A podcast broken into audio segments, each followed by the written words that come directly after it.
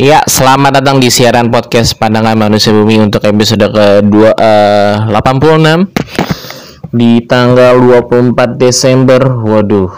Gua jedanya lama banget ya, ada tiga minggu gitu ya.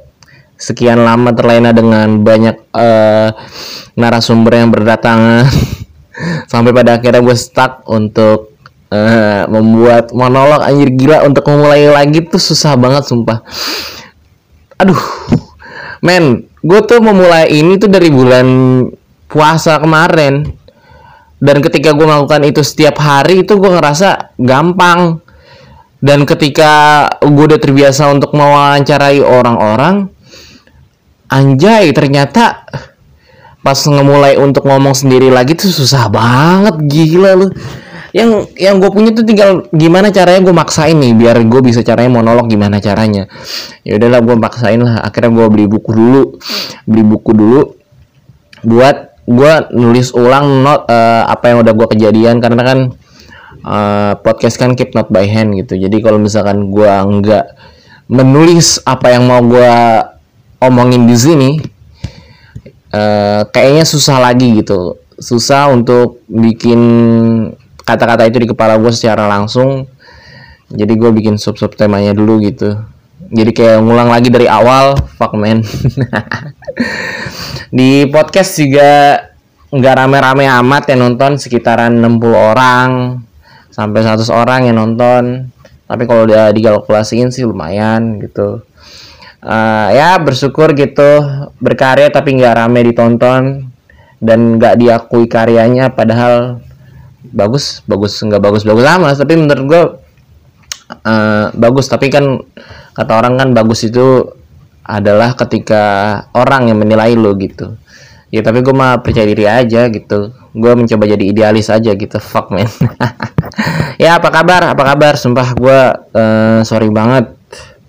Sempat stagnant hmm, tapi di IG-nya, Instagramnya IG pronunciation ya.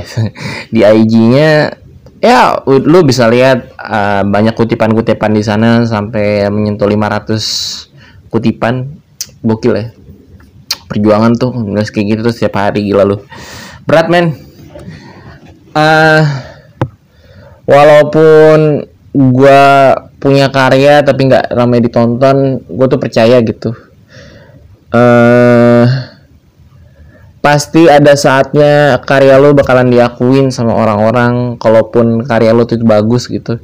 Sama kayak lo bikin lukisan lukisan abstrak gitu tapi kayak lo dipandang sebelah mata. Tapi ketika ada eh, 100 tahun kemudian karya lo ditemukan akhirnya diakui sama orang-orang wih gila lo kayak lukisannya Leonardo da Vinci. Eh, dia dia lo ngelukis Mona Lisa dan terkenalnya sekarang ya kan? Lukisan Mona Lisa itu mempunyai arti yang banyak banget makanya terkenal sampai sekarang gitu. Ada yang namanya humanisme, dinamisme, sekularisme, dan individualisme. Dan lukisan itu menggambarkan tentang renaissance pada zaman itu. Ya gitu sih yang gue bisa omongin secara singkat ke sama lo. Jadi kayak lo yang punya karya sekarang gak usah khawatir kalau karya lo nggak di achieve ah nggak di achieve apa di dirayakan. Ya gue bener sih kata si Adri. Kayak Bang Adri ngomong nggak ada seni yang nggak bisa di- nggak mau dirayakan. Semuanya pasti pengen dirayakan. Tapi entah itu semua tinggal nunggu waktu aja. Gitu. so, eh, so ya bikin aja lu kalau punya ide di kepala lu dan nggak dirilis rilis dan cita-cita lu adalah menjadi seniman ya lu nggak bakal jadi seniman. Jadi ya udah bikin aja apa yang lo suka masalah ada yang suka apa enggak nanti aja itu mah belakangan. Yang penting itu buat diri lo aja. Kayak gitu.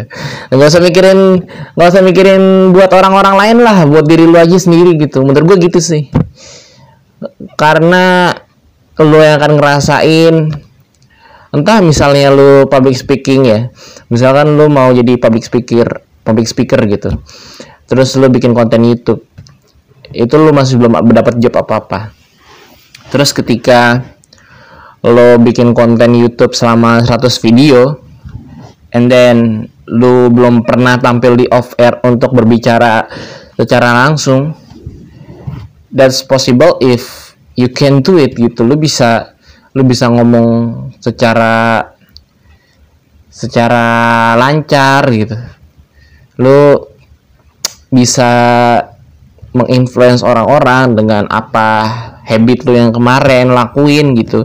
Walaupun ya lu nggak nggak pernah belajar di sekolah nggak pernah belajar di sekolah public speaking lu nggak pernah apa lu iya nggak lu nggak pernah bayar les les apa apa gitu. Yang lu punya cuman uh, skill lu. Ya lu otodi otodidak aja otodidak aja otodidak. Ya otodidak aja lu belajar sendiri lu ngelakuin apa yang lu menurut lu bagus sambil nge mereview ya saling sambil mereview orang-orang berbicara itu kayak gimana bagaimana caranya dia berdiri berdiri bagaimana caranya dia megang mic. Bagaimana caranya mereka membuat situasi yang spin jadi ramai. Pokoknya pertanyaan-pertanyaan itu tuh yang harus emang seniman punya sih. Kalau menurut gue tuh kayak lu harus bikin dunia ini bukan ini ya orang yang orang-orang lihat tuh biasa aja tapi bagi lu tuh ada kenapa sih bisa gini? Kenapa sih bisa gitu? Dan lu tuh bisa terhanyut gitu. Kayak lu nonton film horor tapi lu nggak mau ditakut-takutin ya udah jangan nonton film horor gitu. Kayak lo nonton komedi tapi ketika ada orang yang ngelawak lo nggak ketawa. Itu sih. Eh, nggak mau ketawa ya bukan nggak ketawa nggak mau ketawa. Orang nggak ketawa kan artinya emang orangnya nggak lucu. Tapi lo emang mencoba untuk nggak mau ketawa ya artinya lo nggak usah ngapain nonton komedi gitu aja jadi tugas seniman adalah kalau itu kan orang biasa ya terus uh, terus lo melihat nih sisi tertariknya dan lo, lo ketawa dan lo mau mendalami itu ya lu bisa disebut seniman juga sih. Bukan disebut seniman lu punya jiwa seniman gitu. Uh, itu sih. Terus gue uh, terus gue tuh kemarin kan uh, cewek gue ulang tahun gitu cewek gue ulang tahun terus ngobrol-ngobrol uh, sama teman-teman cewek gue terus kayak ngompi dah tuh ngomongin tentang uh, cowoknya yang TNI dan gue tuh baru sadar bahwa TNI itu punya undang-undang tidak boleh menyakiti wanita anjing. What? Man. Serius sih gue tuh baru tahu TNI itu ada undang-undangnya kayak gitu gitu. Dan punishmentnya adalah hukumannya adalah ketika ada ke TNI yang menyakiti suatu wanita, hukumannya adalah di gebuk-gebuknya senior. Sorry kalau misalkan gua salah I don't know. Tapi apa yang diomongin temen gua kayak gitu. Uh, kayak gitu. Which is gua nggak tahu ini benar apa enggak. Seenggaknya uh, apa yang gua kemarin pernah dapat gue pengen cerita sama lu. Kalau misalkan lu tahu referensi itu lu bilang ke gue bahwa itu benar ataupun salah ya udah bilang ke gue salah nanti gue koreksi. Ya nanti gue nanti gue searching lagi.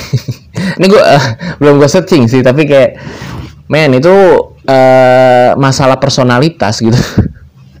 Masalah pribadi. Uh, harus banget kah ada pihak tiga yang mencampur tangani itu? Harus ya. Soalnya nggak gentle juga sih ya. Bener juga sih kalau ada seorang TNI yang menyakiti yang menyakiti wanita and then dia habis menyakiti wanita itu dia biasa aja TNI macam apa? Itu kan.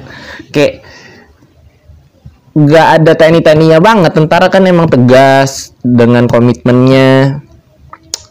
Uh, terus di, si ceweknya si cewek temen si cewek temennya cewek gue tuh dia diputusin sama TNI itu. Dan dia rela-relain ke Sukabumi sama cewek gue untuk nemuin si TNI ini. Kalau nggak salah gara-gara pembaretan apa gara-gara pembaretan terus? Pas di sana pas lagi gue gak tahu sih kayak pas lagi upacara pembaretan tiba-tiba di sana udah ada ceweknya. Wah gila loh gila men cewek itu dari Jakarta ke Sukabumi. Uh, dia itu pokoknya udah habis satu juta setengah lah pokoknya. Bisa buat ke beli iPhone 6 lah buat nemuin cowoknya ini cuman buat nemuin cowoknya ini. Cuman ketika udah ada di sana anjing GG juga ya. Gue tuh nggak habis pikir gitu kenapa cewek itu bisa rela berkorban banget demi cowok yang men gak ngerti gue apakah memang cewek itu kalau misalkan udah sayang banget sama cowoknya emang apa aja yang dia punya tuh dia korbankan gitu which is kayaknya cowok nggak gitu-gitu banget gitu. Ada sih ada yang kayak gitu-gitu. Gue juga kayak gitu kok sama cewek gue iya. Menjilat dikit aja. Men satu juta setengah men. Gue mendingan beli mic yang mic Samsung Actron uh, buat rekaman podcast ini gitu. Maksud gue mendingan lu buat makan duitnya. Mendingan lu cari cowok lain juga gitu. Karena belum tentu anjir. Belum tentu yang udah lu korbanin bisa beneran jadi dia malu. Belum tentu itu. Cuman kan gimana caranya? Lu mempertahankan dia kan. Nah caranya cewek ini bagus. Cuman memang si cowoknya ini gue gak, gak habis pikir gimana rasanya ambruknya hati seorang wanita digituin gila gue sih ngerasain sih kalau misalkan gue ada di posisi dia uh, and then ada di posisi itu wah apalagi hati seorang wanita ya yang kayak hati wanita itu seperti kaca. Ketika dia sudah disakiti, kaca itu kaca itu akan retak. Dan ketika kaca itu retak akan dikembalikan apa dia akan direkonstruksi lagi atau diperbaiki lagi. Ya itu nggak bakal semaksimal mungkin seperti awalnya. Jadi ketika lu ngaca nih, kaca lu bakalan uh, muka lu akan jadi ada 100 gitu. iya. Gue kayak aduh men. Uh. Terus saya cewek-cewek itu kalau ngumpul tuh gue tuh baru pertama kali ya. Jadi gue ada di hadapan ada tiga cewek dan gue sendiri cowok. Dan dalam obrolan obrolan mereka itu nggak jauh men dari obrolan gimana sih cowok lu gimana sih? Terus uh, nggak jauh dari obrolan-obrolan kayak gitu. Ih si cok ih dia mah bajingan gitu. Ih dia mah brengsek dia mah sayang sama gue pokoknya dia ngomongin tentang pacar-pacaran mereka semua aja eh cowok lu gimana cowok lu cowok lu brengsek nggak? Aduh aduh men kayak gitu sih. Terus kayak apa ya? Cewek tuh makhluk-makhluk yang sangat penyayang bener. Makhluk tuh uh, penyayang. Iya. Terus uh, cewek gue kemarin ikut kegiatan komunitas gitu dia komunitas uh, gender gitu kayak memperjuangkan LGBT terus uh, feminis, gay, well, lesbi sama aja LGBT ya. Uh, dan salah satu mereka kata kata pasangan gue mereka itu Islam tapi mendukung LGBT the reason is karena kan lu nggak tahu ya apa yang mereka rasain. Toh lu juga nggak dirugin sama dia. Jadi ngapain ngapain dipedulin? Gak usah dipedulin gitu. The question is kalau kayak gitu gimana ya kalau anak lo kayak gitu juga lo bakal biarin juga gak sih? Oke ini kita nggak ngomongin tentang agama gitu. Ngomongin tentang logika. Logikanya gitu sih. Ketika keluarga lu tuh baik-baik aja maksudnya uh, dari lu baik dari atas lu baik dari atas lu baik juga maksudnya nggak ada cacat ada orang yang gay terus tiba-tiba keturunan lu gay apa yang lo lakuin?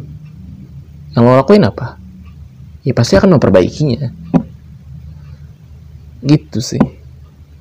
Dan kalaupun anak lu punya kelainan itu dan gak bisa keluar kan lu sendiri yang malu men. Pas muda aja lu dukung-dukung tuh si guy. Tapi ketika lu punya anak lu nolak habis-habisan. Lu bahkan lu caci maki bahkan lu bahkan lu apa lu buang buang ke panti jompo. Nggak ke panti jompo juga sih ke panti asuhan. Kali eh enggak ini kan udah gede nggak tahu gua. Karena kan orang tuh merasa terangsangnya umur 17 enggak sih nggak tahu gua. Enggak enggak enggak enggak enggak umur 17 umur umur 7 tahun juga udah terangsang anjir iyalah banyak videonya anak kecil. Digendong sama cewek berdiri. Banyak men. Uh, dia tuh tahu aja. Nggak tahu nih gue kayak ada ya. Iya, dia tuh ngomongin tentang feminis uh, tentang maskulin gitu-gitu sih. Nah, sekilas apa yang gue tahu aja sih dari pasangan gue kemarin. Terus dia bilang kayak orang-orang yang ikut kayak gitu tuh orang-orang yang hedonis gitu kayak orang-orang yang memang kaya dan tidak punya permasalahan hidup makanya dia mau membuat masalah gitu. Kayak gitu sih. Makanya karena udah punya full dalam dirinya apa nih gue di rumah nggak ada kegiatan nih kayaknya kayaknya bikin komunitas perjuangan kayak gini tuh bagus gitu karena sesuai dengan mata kuliah gue gitu. Itu kali ya. Makanya dia bikin komunitas terus akhirnya komunitas itu dijadiin kapital buat dia. Bisa jadi kapitalis kapitalis di situ tuh bikin nama dia naik karena dia sebagai ketuanya. Yang lain tuh cuma kacung-kacungnya doang. Terus uh, sosialisnya malah nggak gak ada sebenarnya gimana ya? Bagus sih bagus. Menambah pengetahuan pengetahuan tentang gender-gender gitu. Tapi kan nggak tahu sih. Eh ini lah bahas kayak gitu. Uh, kemarin ada yang nanya pilihan terberat gua tuh apa pilihan terberat gua adalah ketika gua Eh, ketika orang tua gua ketika orang tua gua sangat berharap terhadap sesuatu itu akhirnya gue patahkan. Tapi which is gue jadi lebih baik sekarang. Itu sih. Jadi orang tua gue tuh pengen kayak jadi orang yang uh, sukses gitu. Misalnya sukses itu dengan arti ahlaknya baik. Justru kalau gue dibikin jadi akhlaknya baik-baik terus gue malah nggak jadi baik kan gue malah jadi sebaliknya kenapa gitu ya? Nggak tahu sih. Gue tuh baru ngecek ini habis tes kepribadian gue ternyata hmm, gue tuh punya kepribadian INTPT yang artinya uh, kepribadian logika. Jadi kayak aku tuh tipe orang pemikir gitu. Jadi kayak seorang introvert yang apa ya emang cenderung memberontak sih. Memang cenderung memberontak. Jadi ya teman-teman lu nggak bisa tuh namanya menyamakan diri lu dengan orang-orang yang lain juga karena setiap orang tuh punya kepribadian masing-masing nggak bisa disamain sama lu. Anjing gue tuh baru kebuka sekarang gitu. Gue tuh ya kalau dari dulu udah maksain semua orang punya pola pikir yang sama kayak gue gue udah gue udah udah gimana? Gue jadi orang aneh sendiri. Aduh nggak bisa men. Lu nggak bisa buat nyamain nyamain diri lu sama orang lain nggak bisa semua orang punya kepribadian beda-beda. Ada orang yang punya kepribadian bisa memulai pembicaraan. Ada orang juga yang nggak ada orang juga yang nggak bisa buat memulai pembicaraan. Terus ada orang juga yang apa selalu menyendiri. Ada orang yang selalu pengen interaksi sama orang lain. Jadi sebenarnya lu sadar gak sih kalau hal kedua itu tuh sangat sangat sangat mutualisme gitu. Kayak saling membutuhkan. Jadi orang yang punya punya eh bisa caranya untuk berinteraksi sama orang lain dengan orang penyendiri adalah orang yang berinteraksi sama orang bisa bisa orang lain eh ada orang yang bisa berinteraksi sama orang lain itu bisa gimana caranya merangkul si orang penyendiri ini biar jadi orang yang bisa berinteraksi sama orang lain. Jadi ini semua saling beruntung saling berhubung gitu. Kalau dipikir-pikir lagi. Uh, ya gitu sih. Tapi kalau misalkan lo gue rasa sih ya kalau misalkan lo punya pilihan yang terberat uh, ambil aja walaupun orang-orang nggak suka. Kalau memang itu membuat lo baik ambil aja lu hadang tuh lu apa? Lu buktiin ke orang-orang yang memang uh, di ekspektasinya mereka kalau misalkan lu ngedobrak itu lu bakal jadi orang yang lebih buruk. Lu balikin tuh omongan mereka. Lu balikin bahwa lu tuh bisa lebih jadi orang yang lebih baik gitu. Walaupun itu semua proses ya lu sorry ya lu lu aja mau minum aja harus lu harus tuang air dulu ke gelas terus lu minum. Itu kan proses bagian proses kan. Gitu sih. Ah. Gue tuh kemarin habis belajar Leonardo da Vinci gitu. Ya seperti apa yang tadi gue bilang di awal bahwa lukisan punya makna seperti puisi. Jadi kayak lu melihat lukisan nih lukisan tuh diam seperti pemandangan gunung. Terus ada sawah-sawah. Itu sebenarnya punya makna sendiri itu punya kata-kata sendiri kalau lu liatin sendiri dan bisa lo tafsirkan sama diri lo sendiri. Bahkan orang-orang bahkan kalau misalkan lo hoki tafsiran lo sama tafsiran orang lain bisa sama karena memang satu arti. Uh, yang gue kaget sih kalau misalkan dalam tes psikologi ya. Apalagi dalam dunia kerja gue pernah dibilang sama mahasiswa psikologi. Dia bilang tuh kayak orang tuh kalau uh, gambar gambar orang-orang yang serem terus gambar-gambar ya bisa dibilang kayak Gundurwo gitu. Hanya serem banget. Kayak Gundurwo gitu banyak gambar-gambar hitam-hitam yang seram. Itu kan itu menggambarkan bahwa itu punya makna bahwa si yang gambar ini punya jiwa yang lagi nggak tenang lagi rusak lagi butuh pelukan dari orang-orang butuh kasih sayang orang-orang dan biar bisa pikiran itu tenang nggak bisa nggak nggak nggak gambar kayak gitu lagi gambarnya. Mungkin apa yang bagus-bagus Doraemon? Naruto gitu. Mungkin aja men. Cuman kan kadang-kadang orang tuh gimana ya? Menahan menahan apa masalah yang ada di dirinya itu nggak bagus sih. Gue tuh sering ngomong sama psikologi karena mungkin itu yang akan membantu gue sih. Ah, terus ya karya yang murah adalah karya yang meniru orang lain. Jadi kalau misalkan lu cuman bisa niru lu nggak punya value apa apa lu cuman bisa ngasih karya lu tuh murah. Jadi kalau misalkan emang lu mahal lu bikin brand lu sendiri. Lu bikin keunikan dari diri lu sendiri. Lu lo yang mikir lo yang gambar nggak dan nggak ada orang lain yang niru dan lo adalah orang yang pertama untuk mencetus ide itu. Ya lo kan mempunyai pasar itu. Tapi gue nggak tahu sih susah apa nggak sekarang sih zaman sekarang. Oh man holy shit 25 menit.